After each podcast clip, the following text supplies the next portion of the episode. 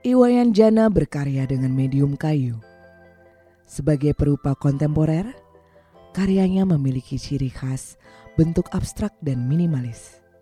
Praktiknya bertumpu pada gagasan Trihita Karana, yakni keselarasan hubungan manusia, semesta, dan sang pencipta. Menurut sang perupa, semua hubungan yang terjalin di dunia ini berawal dari pertemuan.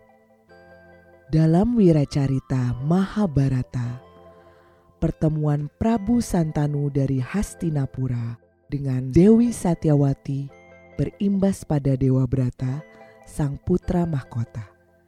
Demi kebahagiaan ayahnya, Dewa Brata bersumpah melajang seumur hidup agar hanya keturunan Satyawati yang meneruskan tahta.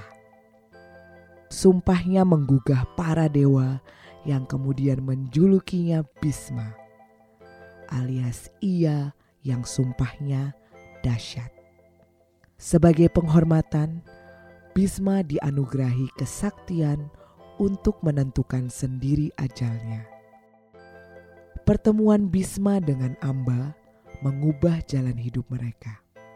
Amba jatuh hati pada Bisma, tetapi Bisma berpegang teguh pada sumpahnya. Tak sengaja ia melesatkan anak panah menembus dada Amba. Meregang nyawa, Amba bersumpah akan membalas dendam kepada Bisma. Puluhan tahun kemudian, perselisihan panjang antara dua keluarga keturunan Hastinapura meletuskan perang Baratayuda. Bisma berada di pihak Kurawa yang bertahta.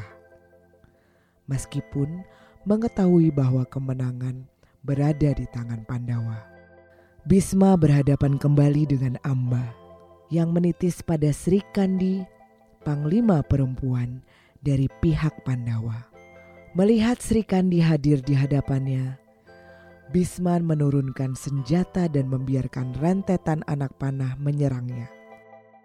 Bisma pun tumbang, tetapi tubuhnya tidak menyentuh tanah karena ditopang puluhan anak panah.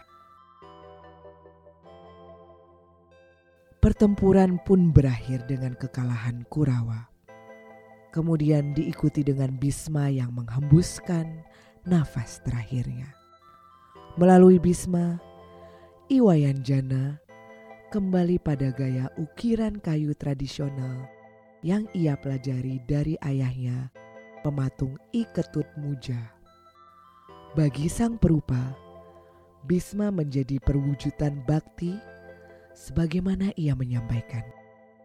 Keberadaan kita di hari ini adalah buah dari pertemuan kedua orang tua kita.